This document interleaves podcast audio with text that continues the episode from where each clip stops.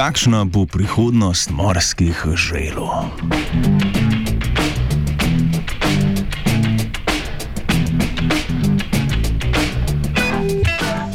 Da se nas še ozračje in vode segrevajo, ni nobena skrivnost. Da lahko za velik delež tega odgovornost pripišemo človeku, tudi ne.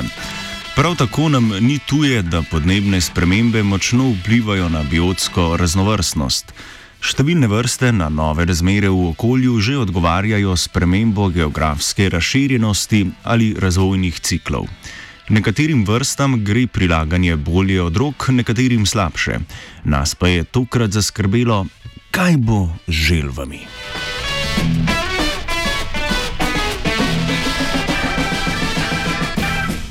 To se je nedavno vprašala tudi skupina raziskovalcev in raziskovalk z Velike Britanije, Portugalske in Gvineje Bissau.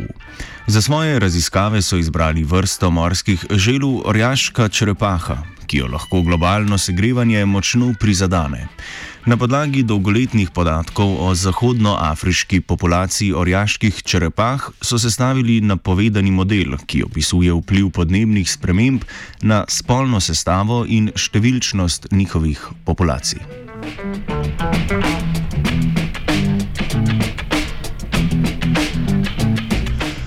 Razloga, da je usoda morskih želv tako zaskrbljujoča, sta dva. Prvič, spol bodočih osebkov določa temperatura med inkubacijo jajc.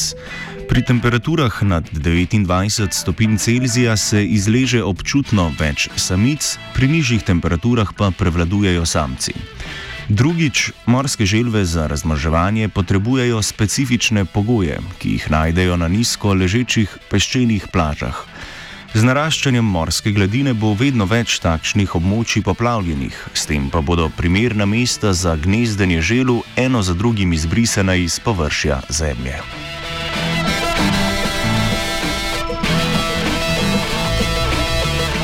Raziskovalna skupina je za izračune uporabila napovedi medvladnega foruma za podnebne spremembe, ki opisuje predviden potek podnebnih sprememb do konca stoletja.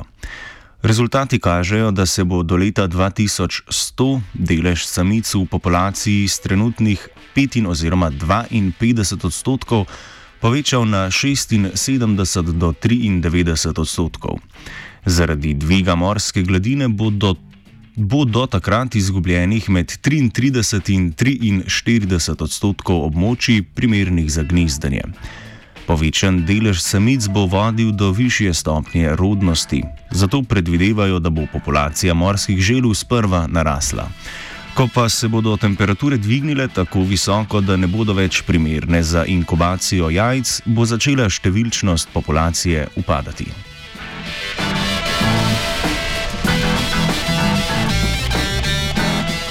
Vse pa vendarle ni tako sivo.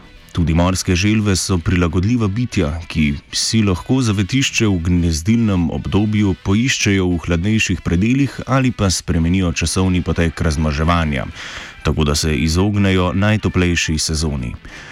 Tropski deževni gost, ki jih obkroža, jim lahko pomaga pri boju z vročino in jih hkrati zavaruje pred poplavljanjem jajc.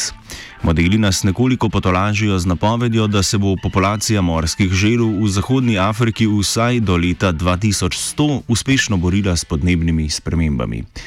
Kaj pa nas čaka po tem prelomnem letu?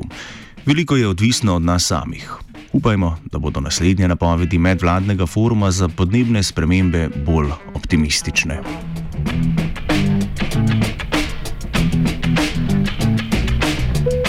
V prihodnost morskih želv se je zazrla vajenka Maša.